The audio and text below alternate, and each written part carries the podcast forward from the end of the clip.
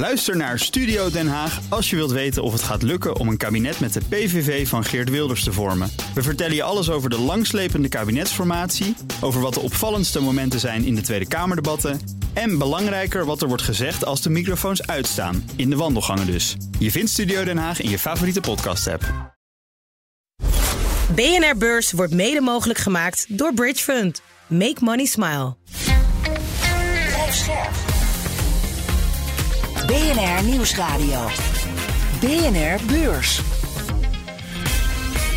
Wesley Weerts en Jochem Visser. Je weet het inmiddels, op vrijdag hoor je BNR Beursweek. En daar luister je nu naar. Zoals altijd krijgen we van ons het laatste beursnieuws... maar ook een terugblik op de beursweek... en antwoord op die ene vraag van de luisteraar. En denk je nou, shit, weer vergeten om een vraag te mailen? Dan zeg ik, nieuwe ronde, nieuwe kansen. Mail je vraag naar bnrbeurs.bnr.nl. En wie weet heb je dan volgende week antwoord op je vraag. Een spraakbericht mag ook, hè? Ja, sterker nog, liever wel. Ja, en over vragen gesproken, die gaan wij stellen aan onze gast. En dat is eh, vandaag eh, Corné van Zel van Cardano. We hebben het zo over Samsung. Dat heeft een dramatisch kwartaal achter de rug. Maar we starten met Shell. Dat geeft een eerste inkijkje in de prestaties over het tweede kwartaal en komt meteen met een waarschuwing. De productie van olie en gas valt lager uit en ook levert de gashandel aanzienlijk minder op. En volgens Shell is dat de schuld van onderhoudswerkzaamheden. Maar is dat de enige reden voor het teruglopen van de productie en de inkomsten, Corné? Want ja, die olieprijs die is ook gewoon teruggelopen. Inderdaad. Als je naar de olieprijs kijkt, die was vorig jaar in het tweede kwartaal 95 dollar, nu 74 dollar gemiddeld per kwartaal.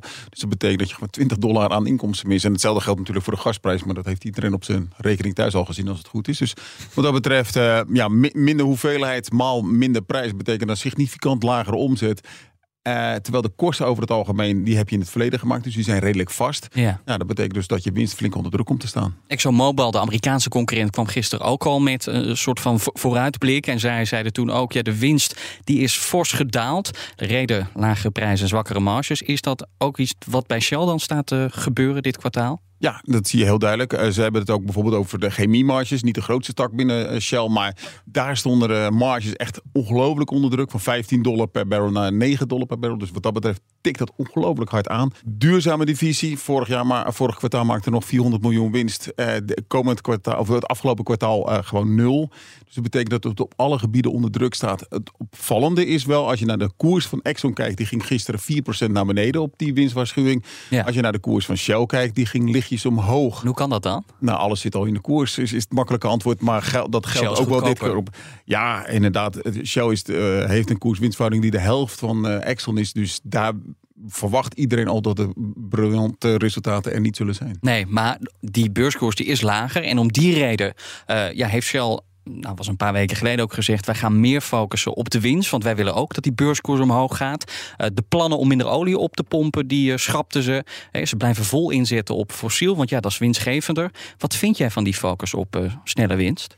Nou, of het snelle winst is of niet. Kijk, Shell als je een oliebron maakt, dan doe je dat voor 20, 30 jaar naar de toekomst toe. Uh, het, is wel zo, ja, Shell zit een beetje tussen Exxon in aan de ene kant, die eigenlijk vooral op fossiel uh, zich richt en op maximale winstgevendheid. En de Equinors van deze wereld, die maximaal op duurzaamheid richten. En zij willen het allebei een beetje doen. Nou ja. Mm. Exxon is veel duurder. Uh, Equinor is veel, veel duurder. Uh, die maken beperkte winst. Maar dat waardeert iedereen omdat ze op duurzaamheid inzitten. Ja, Shell zit in de hoek waar de klappen vallen. Ze zit een beetje vlees nog vis. En, en dat vinden aandeelhouders niet leuk. Jij zegt dus eigenlijk, Shell moet een keuze maken. Fossiel of groen? Nou, ik denk niet dat Shell in de in de uh, gelegenheid is om die keuze zo duidelijk Hmm. mm. te maken. Equinor komt uit een hele andere situatie. Als jij daar het gros van je winst vandaan haalt, dan kan je wel zeggen, ja, daar nemen we afscheid van, maar dan maak je dus helemaal geen winst meer. En dan moet je je nog gaan bewijzen op het duurzame gebied. En dat is dus gewoon een hele moeilijke plek om te zitten. Het is wel zo, als je verder naar de toekomst kijkt, kan je beter inzetten op duurzaamheid. En dat ziet Shell ook, maar wel met mate. Maar blijft Shell dan aan het fossiele deel de komende jaren goed verdienen? Want we hadden het net al over lagere prijzen en zwakke marges. Ja, ze waarschuwde gisteren, de, de CEO waarschuwde gisteren van ja, we kunnen wel afscheid nemen van uh, uh, olie en gas. Maar dat betekent wel dat we in enorme problemen komen. En eigenlijk zijn die problemen wel gunstig voor Shell, want dat betekent ook enorm hoge prijzen. En als je dus hetzelfde oppompt en niets meer of beperkt investeert en wel die hogere prijzen ontvangt betekent dat wel een hele gunstige omstandigheid voor de, voor de winstgevendheid. Ook Samsung kwam met een update en daar gaat het eh, slecht. De vraag naar smartphones en chips is ingestort. Daardoor daalt de winst met 96% naar het laagste niveau sinds 2009. En nog belangrijker, Corné, heeft Samsung nu het ergste achter de rug? Of gaat dat nog komen? Ja, nou, analisten denken van wel. Je ziet dat de bodem van de winsttaxaties al eh, twee maanden geleden was. En die zijn langzamerhand aan het opkrabbelen. Je ziet het ook in de koersbeweging van Samsung. Die was 2% naar beneden. Nou, dat is nou niet echt. Dat past niet bij een 96% eh, koersdaling. Eh, als je naar de bodem kijkt eh, ten opzichte van de piek vorig jaar van die winsten, dan ben je al gehalveerd qua winsttaxaties. En het is wel opvallend. Kijk, ook eh, de, het aandeel heeft het best wel goed gedaan op die hele AI-boom die we hebben gezien. Want ja, ze maken heel veel chips. En chips zijn nodig om die AI-boom te Ja, faciliteren. sinds begin dit jaar ging die koers met een kwart omhoog. Daarom. Dat is netjes als je met dit soort cijfers komt. Ja, inderdaad. Dus iedereen weet al dat, het, dat de huidige omstandigheden slecht zijn. Dat de prijzen naar beneden gaan, dat de volumes naar beneden gaan. Hè, dat is eigenlijk ook heel erg logisch, gegeven de, de economische omstandigheden. En het grappige is ja, dat je dat niet terugziet in de koers, omdat iedereen gelooft in die AI-boom. Ja. En eigenlijk zie je dat bij de meeste chippers wel terug van ja, het gaat nu even slecht. Maar geloof ons, op de lange termijn komt alles goed, want dan wil iedereen AI hebben. En er is eigenlijk maar één die daarvan profiteert. En dat is het grote Nvidia natuurlijk. Ja, zeker. Samsung, hoe doet hij het in vergelijking met concurrenten? Dus dan heb ik het niet over de beurs, maar gewoon qua echte prestaties. Eh, nou ja, dan, dan zitten ze wel om vanwege hun specifieke eh, toepasbaarheden wel in de hoek waar de klappen vallen. Want je ziet, niet dat, je ziet dat de winstgevendheid bij andere chippers een stuk beter is. Maar ja, ze zijn ook wat, wat dat betreft wat cyclischer. En als je naar de telefoons gaat kijken, is het eigenlijk het enige alternatief ten opzichte van de iPhone. Eh, eh, het, het Android-merk wat nog een beetje een naam heeft, is toch wel Samsung. En bij eh, Apple daalt ook de omzet al twee kwartalen. Maar hebben ze dan allebei evenveel last van de, van de problemen, de voorraden enzovoort die moeten worden afgebouwd? Ja, in principe wel. In, in, als het, op een gegeven moment moeten consumenten wat kiezen wat hij met zijn geld gaat doen. Nou, die, die kiest dus nu niet voor een nieuwe telefoon, maar die kiest voor op vakantie gaan. Vandaar dat cruise liners het zo goed hebben gedaan de afgelopen tijd. Om eens een mooi voorbeeld te geven. En alle vakantieaandelen doen het goed. Eh, en dus koop je eventjes geen nieuwe telefoon. Daar heeft Apple dus last van, maar ook Samsung. Nou ben jij altijd heel ijverig. Je doet altijd goed je huiswerk. Je had ook nog een nieuwtje meegenomen. Nee, dat weet ik even niet meer. De arbeidsmarkt in Amerika die komt net eh, vers binnen, inderdaad. Eh, de- en dat is een heel opvallend cijfer. Want afgelopen week hebben we gezien dat de EDP-cijfers naar buiten kwamen. En die waren ongelooflijk goed. Een half miljoen nieuwe banen in een maand tijd erbij. En dat is, daar schro- schrok de markt van. Dat betekent dat de arbeidsmarkt veel sterker is dan waar de Fed eerder vooruit ging. Dus de Fed zal meer moeten gaan verhogen. En dat zag je ook gelijk in de obligatiemarkt eh, verdisconteerd. En dus ook in de aandelenmarkt, want die vinden een hogere rente niet leuk. Maar vanmiddag kwamen dus de, de non-farm payrolls buiten. Dat zijn de bredere cijfers. En die waren juist heel erg teleurstellend. 209.000 nieuwe banen. En bij 200.000, dat is ongeveer het niveau waarop het de arbeidsmarkt gaat krimpen. Dus daar zitten we niet zo ver vanaf. Dus een flinke daling ten opzichte van afgelopen maand. Ja. En dus het, en het bijzondere is dat je twee van dus zulke tegenstrijdige cijfers hebt met één dag ertussen. Ja, dat heeft met ma- name te maken met eh, dat de overheid is een, eh, die zit niet in het EDP-cijfer, maar Nee. wel in de non-farm payrolls. En dat is de belangrijkste En werkgever. dat is een belangrijke werkgever. En dus daar zie je duidelijk wat krimp. En dat zal de verklarende factor zijn. BNR Beurs. De luisteraarsvraag. Die komt deze week van Kees.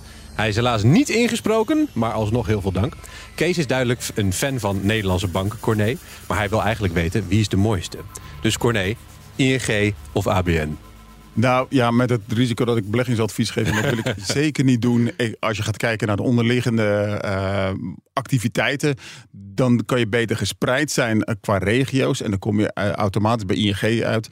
ING is ook iets duurder dan ABN AMRO. En bij ABN AMRO weet je dat er nog een heleboel aandelen mogelijk naar de markt toe komen. Terwijl ING juist bezig is met aandelen inkopen. Het belangrijkste is, wil je überhaupt in banken zitten? En bij banken mag je ho- hopen dat je straks wat meer op je spaarrekening krijgt. En dat gaat allemaal ten koste van hun winstmarges. En dus iedereen rekent daar al op dat die winstmarges onder druk komen te staan. Vandaar dat ze allebei zo ongelooflijk goedkoop zijn. Zes keer de verwachte winst. Maar ja, alle waar naar zijn geld. Maar zijn Nederlandse banken dan eigenlijk wel, wel de betere? Of kan je niet beter naar Amerika voor de echte winstgevendheid en gespreidheid die je ook noemt? Nou, ik weet niet, ja, met net een bankencrisis achter de rug of je...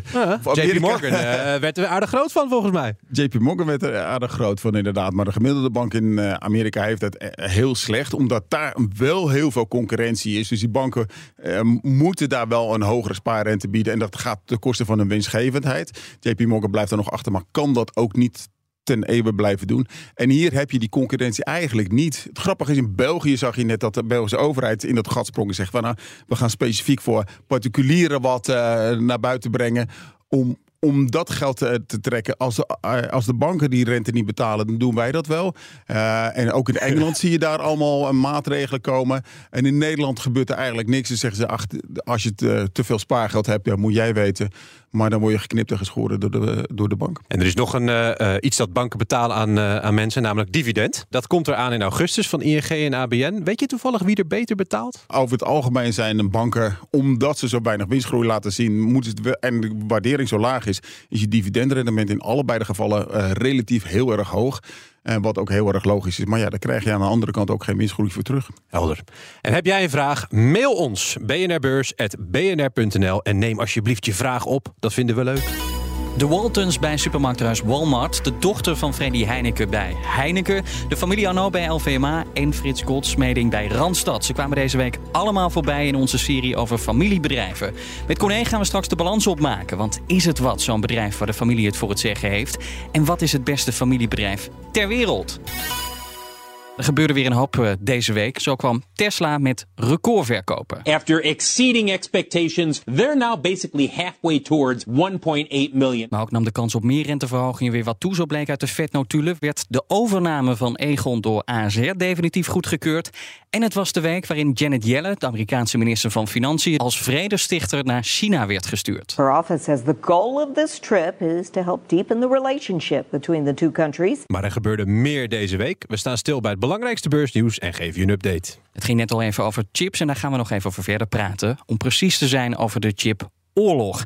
Want China opent de aanval op Nederland en de rest van het Westen. Het komt met exportbeperkingen voor metalen. En die zijn cruciaal voor het maken van chips. Corné, wat houden die beperkingen in de praktijk in? Wat kunnen we straks onze grondstoffen nog wel uit China halen? Nou, in principe als je dit bericht dus hoort, gewoon niet. Het is de vraag altijd van wat is het verhaal erachter en wat is, wordt er daadwerkelijk niet meer geleverd. Ja. En het is eigenlijk heel simpel. Die mineralen zijn er overal wel, maar eh, veel duurder in andere gebieden. Nou ja, dan betaal je er maar wat meer voor, eh, zou ik zeggen.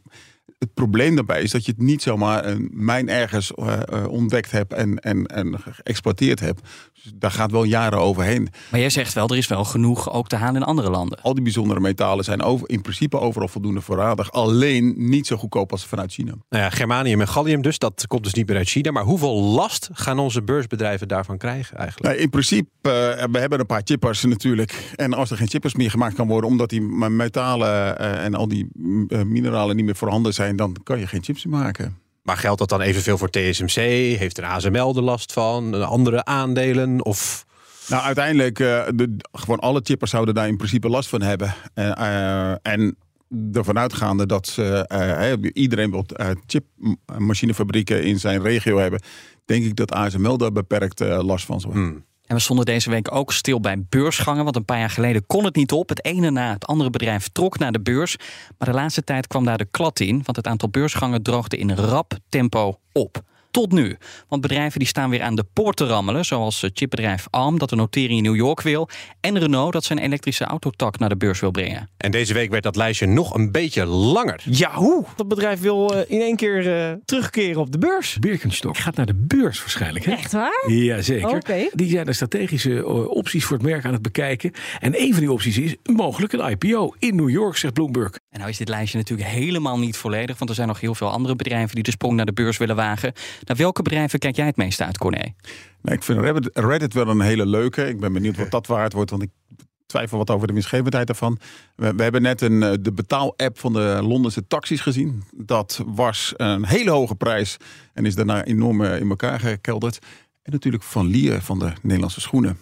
En waarom vind je dat zo interessant? Omdat dat alles in zich heeft om een meest dramatische beursgang te worden. Het is, Oh, daarom vind je het interessant. ik vind het interessant als beurswatcher. Ik Ja. vind het zeker niet interessant als belegger. Ik moet zeggen, ik, maak, ik heb altijd zo'n lijstje van wat, wat voor de. Eh, wordt het een beetje gehyped? eh, wat voor waardering hangt erop? eh, wat, hoe staat het met de corporate governance? En ik plaats overal grote rode kruisen achter. Dus ik kan als belegger daar niet echt enthousiast over worden. Maar zijn er dan wel nog beursgangen waar jij wel als belegger enthousiast van wordt? Ehm, eh, nee. Eh, en dat is denk ik een hele goede basishouding. Want je weet waar een IPO voor staat. It's probably overpriced. En Ja. dat geldt voor de meeste. Als je van IPO's wegblijft, behalve dag één... dan eh, doe je het over het algemeen beter dan de gemiddelde belegger. Oftewel, dit is eigenlijk niks voor particuliere beleggers ook. Want je hebt geen idee wat een redelijke prijs is van tevoren. Nee, inderdaad. En het wordt helemaal gehyped. Vandaar dat die koers het altijd zo goed doet in het begin. Dus je moet ook op dag één erbij zijn. Want dan kan je meestal die IPO-premie opsteken. Maar als gewone Piet particulier... eh, als het echt succesvol is, krijg je bijna niks. En als het een drama is, krijg je de maximale toewijzing. Dus over het algemeen is het beter om daar weg te blijven. En het was de week van het gevecht tussen Mark Zuckerberg en Elon Musk. Zegt dat wel. Musk heeft er een eh, geduchte concurrent bij gekregen. Meta kwam namelijk met die eh, nieuwe Twitter-kloon, Threads. 30 miljoen gebruikers in minder dan 24 uur tijd. En daarmee zit Meta al bijna 10% van het aantal Twitter-gebruikers. En dat is toch wel een knappe prestatie. Maar Corné, is deze kloon ook een echte killer? Eh, ik hoop het. Ik denk dat de concurrentie heel erg goed is. Eh, ik denk wel, ik ben een, een enorme Twitter-adept. En ik zie met ledenogen aan wat er met het bedrijf en met de dienst gebeurt. Het probleem is dat eh, je hebt natuurlijk alleen maar wat aan een netwerk als er ook aan de andere kant iemand zit. En degene die mij volgen op Twitter, het beursjournalist, die, eh, die boek zit- ook dat nog zijn over het algemeen Nederlanders. Dus wat Het dat voelt betreft, ook een beetje oud nu dat je dit zo zegt. Maar ja, nee, maar ik denk ook, ik hoop ook echt dat het zo snel mogelijk naar Europa komt. Want ik denk dat het echt nodig is. Hè, ik weet dat ik niet de klant ben van Twitter, maar ik, ik ben het product. Maar het product mag je toch ook een beetje fatsoenlijk behandelen. En ik vind dat Elon Musk dat niet doet. Maar het is dus wel een killer. Nou ja, met 30 miljoen. Ik heb eh Mastodon bijvoorbeeld geprobeerd. Ja, dat is een drama en daar zit niemand op, dus dat Nee. werkt niet.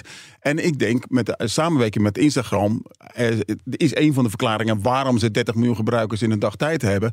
En ik denk dus dat daarmee echt een killer zou kunnen zijn. En laat wel wezen, Twitter, ja, het stelt op zich niet zo voor. Het is gewoon een berichtenbord waar je dingen op plaatst. Niet meer dan dat. Dus Nee, je moet er ook niet te moeilijk die- over Ja, maar dat kun je voor al die apps zeggen. Dus Snapchat is alleen maar een app waar je foto's naar elkaar toe stuurt. Instagram is een soort van fotoboek. Ja, Dus, maar het is dus bijzonder. alleen maar succesvol als er genoeg mensen op zitten. Nou, ze maken hier wel een flinke sprong mee. En ik hoop van harte dat het een succes gaat worden. Aandeelhouders willen ook weten wanneer er eh, geld wordt verdiend. Wanneer eh, komt er geld in het laadje? Nou, aandeelhouders eh, hebben het beloond met een kleine koersdaling van Meta. De koers ging 1% naar beneden Ja, maar op het bericht. wel omhoog ook. In die dagen voorafgaand voor de lancering. Ja, eh, toegegeven. Nou is Meta natuurlijk sowieso. eh, dus nummer twee in de S&P 500 dit jaar. Eh, dit is, bedrijf is nou bij uitstek geëquipeerd om daadwerkelijk de Twitter-killer te, te worden. Ze hebben de, de financiële middelen, ze hebben het netwerk. Ze zijn gewoon een grote partij. En dus die kunnen dat gewoon goed uitzitten. En zorgen dat er een goed netwerk neergezet wordt. En daarna kunnen ze wel winsten mee gaan maken. Maar het vogeltje van Twitter laat zijn nek niet zomaar omdraaien, want concurrent Meta wordt voor de rechter gesleept nu. Hè? Is dat nog een risico of hoef je eigenlijk niet te vrezen dat eh, Threads op een gegeven moment weer op zwart moet? Nou, ik denk wel dat het een risico is. Oh, eh, Ze hebben het gewoon gekopieerd. Eh, maar dat gaat natuurlijk vooral om de techniek erachter. Of ze daar te veel dingen van hebben gepikt. Er zullen ongetwijfeld wat Twitter-mensen ook bij Meta zijn gaan werken. Dus ik, kan al, ik ben geen juridisch specialist, dus ik kan dat niet helemaal goed inschatten. Maar ik kan me voorstellen dat het een risico is. BNR Beurs. De hele week ging het in onze zomerserie over familiebedrijven. Bedrijven waar de familie nog aandelen bezit, aan de knoppen zit of nog steeds veel macht heeft. En we hadden het onder meer over de Waltons bij supermarktreus Walmart. 15 jaar geleden verkochten ze zelfs nog eh, wapens. Als we weer het over LV en Marsje hebben. De rijken hebben altijd geld om uit te geven. Dus in een recessie, LVMH heeft daar geen last van. Waar zie jij meer in? In het bier Heineken of het aandeel Heineken? Het beweegt eigenlijk de hele tijd zo'n beetje tussen de 80 en de 100. Het bruist wel een beetje. Het is niet echt een, een, een groeiaandeel. Dit keer hebben we het over Randstad. Een uitzendbureau dat in 1960 werd bedacht door een economiestudent. Er zijn quasi geen analisten op dit moment die eigenlijk echt heel positief zijn over Randstad. De meeste hebben hold of zelfs iets minder. Ja, Walmart, Heineken, Randstad, LVMA, een hoop beursgenoteerde familiebedrijven kwamen aan bod. Maar we hebben er ook een heleboel natuurlijk niet genoemd. Dus Corné, om maar meteen de lastigste vraag aan jou te stellen. Wat is het beste familiebedrijf op aarde? Tesla. Tesla is in feite ook een familiebedrijf. En het heeft ook dezelfde kenmerken. Ze gaan niet voor de korte termijn winstgevendheid. en dat is waarom eh, familiebedrijven juist zo succesvol zijn. Ze gaan met een lange termijn blik. En als het een paar jaar tegen zit, zijn ze bereid om door te investeren. En dat zie je bij de genoemde bedrijven die je net had. En dat zie je dus ook bij Tesla. En ik denk dat daarom ook een, echt een hele goede lange termijn beleggingsstrategie is om in familiebedrijven te beleggen. Uh, oftewel, jij bezit Tesla. Nee. Waarom er moet ook nog een bepaalde waardering zitten. En ik heb helemaal niks met dat bedrijf. Ik ben wel een groot uh, fan van familiebedrijven. Dus uh, ik heb bijvoorbeeld Hunter Douglas gehad en OCI als Nederlandse voorbeelden. Um, Waarbij je dus gelijk ook het risico. Ik, beide heb ik goed geld aan verdiend. Maar je ziet ook daar gelijk het risico. Bij Hunter Douglas, je weet dat je bij een familiebedrijf op de achterbank zit. Uh, en bij, bij Hunter Douglas, net toen het een beetje vaart begon te krijgen, werd je als aandeelhouder uh, even buiten de deur gezet. En dat is ook gelijk het risico. Je moet ook wel even naar de familie zelf kijken. Bij Heineken ben ik daar bijvoorbeeld niet bang voor. En bij Hunter Douglas had ik er wel bang voor moeten zijn. En is de controle van een familie dan doorgaans een vloek of een zegen? Uh, zeker een zegen. Want je wordt niet geteisterd door korte termijn aandeelhouders die uh, allerlei kanten willen met de strategie van het bedrijf. Zij kiezen het en dan moet jij gaan nadenken of je je kan in de strategie kan vinden en of je het wat vindt. Maar over het algemeen zijn het goede lange termijn beleggers. Maar wel met nadruk van die lange termijn. Ik heb een mooi voorbeeld omdat het zo'n mooie strategie is, is er dus ook een indexfonds uh, van gekomen in Europa. Nou, dat uh, indexfonds heeft vijf jaar bestaan. En dat was een matig winstgevend. Dat heeft na 11% rendement in vijf jaar tijd. Nou, dat is niks, want de index heeft in de tussentijd 38% gedaan. En op een gegeven moment was er zo weinig interesse dat ze het gewoon gekild hebben. Oftewel, daar zie je dat vijf jaar is niet lang genoeg voor zo'n lange termijn strategie.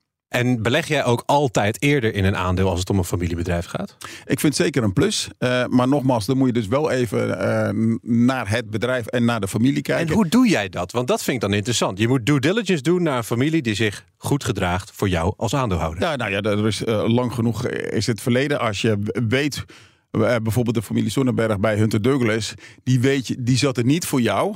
Die zat er echt voor zichzelf. En dat hebben ze tot het laatste moment bewezen. Maar ook tussentijd kochten ze bijvoorbeeld aandelen op uh, tegen een minimale prijs.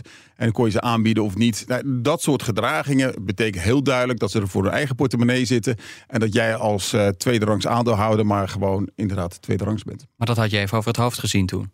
Nee, zeker niet. Maar ik vond het zo goedkoop uh, en ik zag zoveel potentie erin dat ik uh, daar wel uh, in mee durfde te doen. en dat risico heb ik voor, voor, lief genomen en dat heeft zich uitbetaald. Hoe afhankelijk leunt het succes van zo'n bedrijf op de oprichter en ja, eventueel ook de familie die daaromheen hangt? Nou ja, heel erg. Wat een aardig voorbeeld is ook bij Heineken zag je in de laatste fase van zijn leven dat hij heel erg conservatief werd en dat je dus alle, overna alle overnames waren, vonden bij concurrenten plaats. En Heineken bleef genadeloos achter. En pas toen Heineken overleden is, zag je dat er weer de zwang in komt. En dat ze hele cruciale overnames hebben gedaan die de groei weer van het bedrijf uh, terugbrachten. En dat is ook wel belangrijk. Dat je, ja, je moet alles in de gaten houden natuurlijk ook. En eigenlijk, als stel dat Heineken nog een jaar of twintig was doorgeleefd, had het niet zo goed afgelopen met het bedrijf Heineken. Dit was de vrijdag. Tijd voor een nieuwe week. En het venijn zit hem in de staart. Weinig bedrijfscijfers op de maandag, maar bedrijven staan in de startblokken voor het volgende cijferseizoen. En bereid je maar voor, want op donderdag kan je al een kijkje nemen in de resultaten van PepsiCo en Delta Airlines. En vrijdag beginnen ook de grootbanken uit de VS zich te roeren. Citi en JP Morgan laten je dan weten hoeveel ze hebben geprofiteerd van de rentestijgingen in het tweede kwartaal. De volgende renteverhoging van de Fed hangt als een zwaard van Damocles boven de beurs. Maar of banken daar ook een probleem mee hebben, is even de vraag. Jochem, hopelijk heb jij nog leuke plannen voor dit weekend. Want uh, dit was hem, de beursweek. Maar we sluiten niet af voordat ik van jou weet, Corné, waar jij aankomende week extra op gaat letten. Dus waar ga je op focussen? Nou, ik ben benieuwd hoe die bankencijfers eruit gaan zien. Maar eigenlijk kijk ik ietsje verder naar alle rentebesluiten van de Fed, de ECB eh, en de Bank of Japan. Vooral die laatste wordt interessant. Nieuwe gouverneur. Nieuwe gouverneur die wellicht wat gaat aanpassen aan de yield curve control. En dat zou best wel een enorme shift kunnen zijn. Uh, dus uh, die vind ik eigenlijk nog het spannendste. Nou, dankjewel. Corné van Zel van Cardano. Bedankt voor het luisteren. Hele fijne avond. Geniet van je weekend. En tot maandag. Fijn weekend. BNR Beurs wordt mede mogelijk gemaakt door Bridge Fund. Make money smile. Ook Hugo Reitsma vind je in de BNR-app. Superhandig die BNR-app. Je kunt alle programma's live luisteren, breaking nieuwsmeldingen. Je blijft op de hoogte van het laatste zakelijke nieuws. En je vindt er alle BNR-podcasts, waaronder natuurlijk de belangrijkste, Boeken zijn in de wijk. Download nu de gratis BNR-app en blijf scherp.